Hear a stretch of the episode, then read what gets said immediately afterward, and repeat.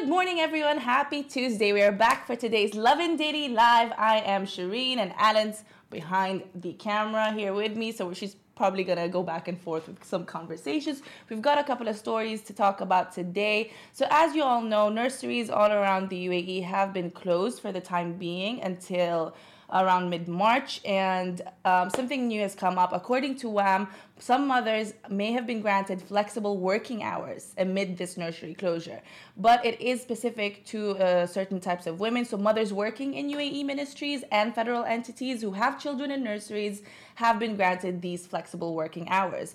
This move was announced by the Federal Authority for Government Human Resources, the FAHR to allow parents to take care of their children att- attending nurseries. Um, which have been suspended for precautionary considerations, obviously due to the COVID 19 concerns.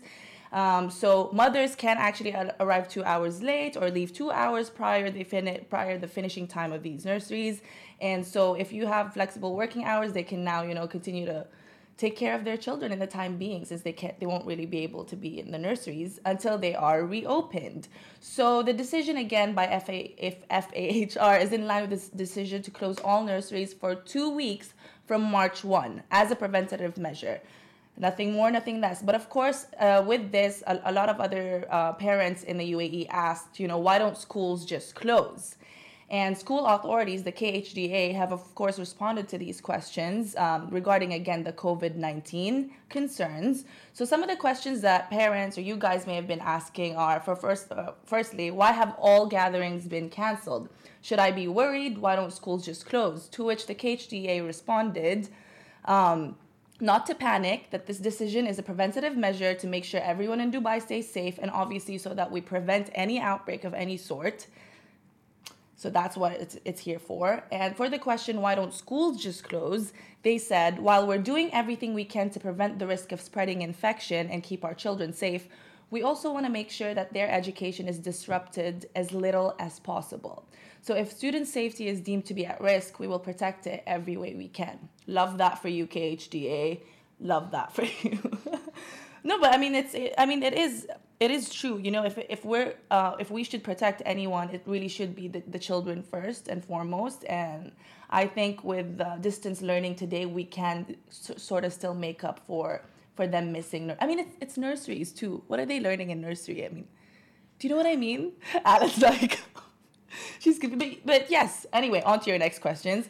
My children are currently on a school trip. Does this mean they have to come back? Was that the question? I'm kind of confused. My children are currently on a school trip. Does this mean they have to come back? Um, I'll, I'll just read the answer. I don't get the question. But the KHDA said the decision to cancel all gatherings does not include trips, which have already started. So they're there. They can still enjoy their trips if they're currently on one. Um, and they said we leave it to school leaders to decide the best action to take for these trips. So again, check in with whoever's in charge of the school trips your children, and that would be a good thing to do. And for the last concern that people, parents usually ask, I've already paid money for my children to take part in trips. Will I get my money back? Again, please check directly with your school about the refund policy in this circumstance, and all shall be good. On to our last story. This one's a really great one. Again, the Dubai police proving how their level of tolerance is. You know, the, the year of tolerance may be over, but Dubai police is really showing a lot of consistency with how how they've been towards certain situations because a Dubai inmate who's actually serving life for murder was surprised with a family reunion. So um, a, a, post by the, ah, the Dubai police was shared on their official Facebook page on Sunday, and it just shows compassion on a whole other level, you guys. So an inmate who's serving life in prison for murder um, was reunited with his son, who he had not seen for seven whole years. I don't know if you can see the image here. This is a photo of their reunion you know, hugging and um, obviously um, really into the reunion that they've had because they hadn't seen each other in seven years.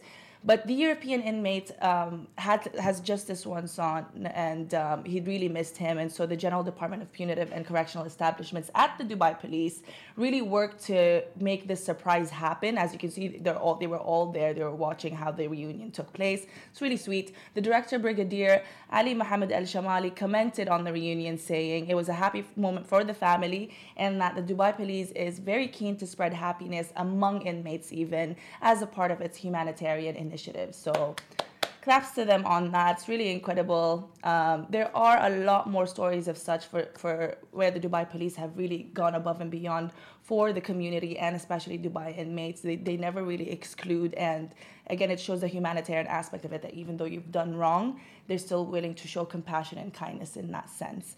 A lot of people on social media commented on the, on the news. They really loved it. Like uh, a bunch of comments I have here, I'm going to read to you guys. Uh, Mariam said, This type of humanity makes me cry. Tears of happiness for the both of them, and to the Dubai police and to the government of Dubai, I salute you all. Shaji said, This is a symbol of humanity and kindness. This is uh, what a role model to the world police force. And Fasih said, No doubt, the world's best police, mashallah. Thanks to His Highness Sheikh Mohammed bin Rashid Al Maktoum. May Allah bless him. Bless him. Ameen Ya Rab. Again, very incredible. Let me let me know if you guys have any uh, comments in the comment section below. Let me know if you guys have any questions. We are going live with the Lovin Show later at 12 p.m. I think. Are we going live at 12? Alan is good. How, how do you not know the time that we're meant to be going live? Lovin Show. 12 p.m. We're gonna go live with someone very important. Casey's gonna be here to join me. But in the meantime, also tune into Virgin Radio because Casey, my co-host, is is over there with Kris Fade, Priti Malik, and Big Rossi, telling you guys about all the top trending stories here in Dubai. That is it for me for today for today's Lovin Daily Live. I'll catch up with you guys tomorrow. That is a wrap for the Lovin Dubai Daily Live. Remember, we are back with you same time, same place every morning. Do not forget, we also have Dubai Works Business Podcast where Rich sits down with the business people of Dubai so you can get more information about that.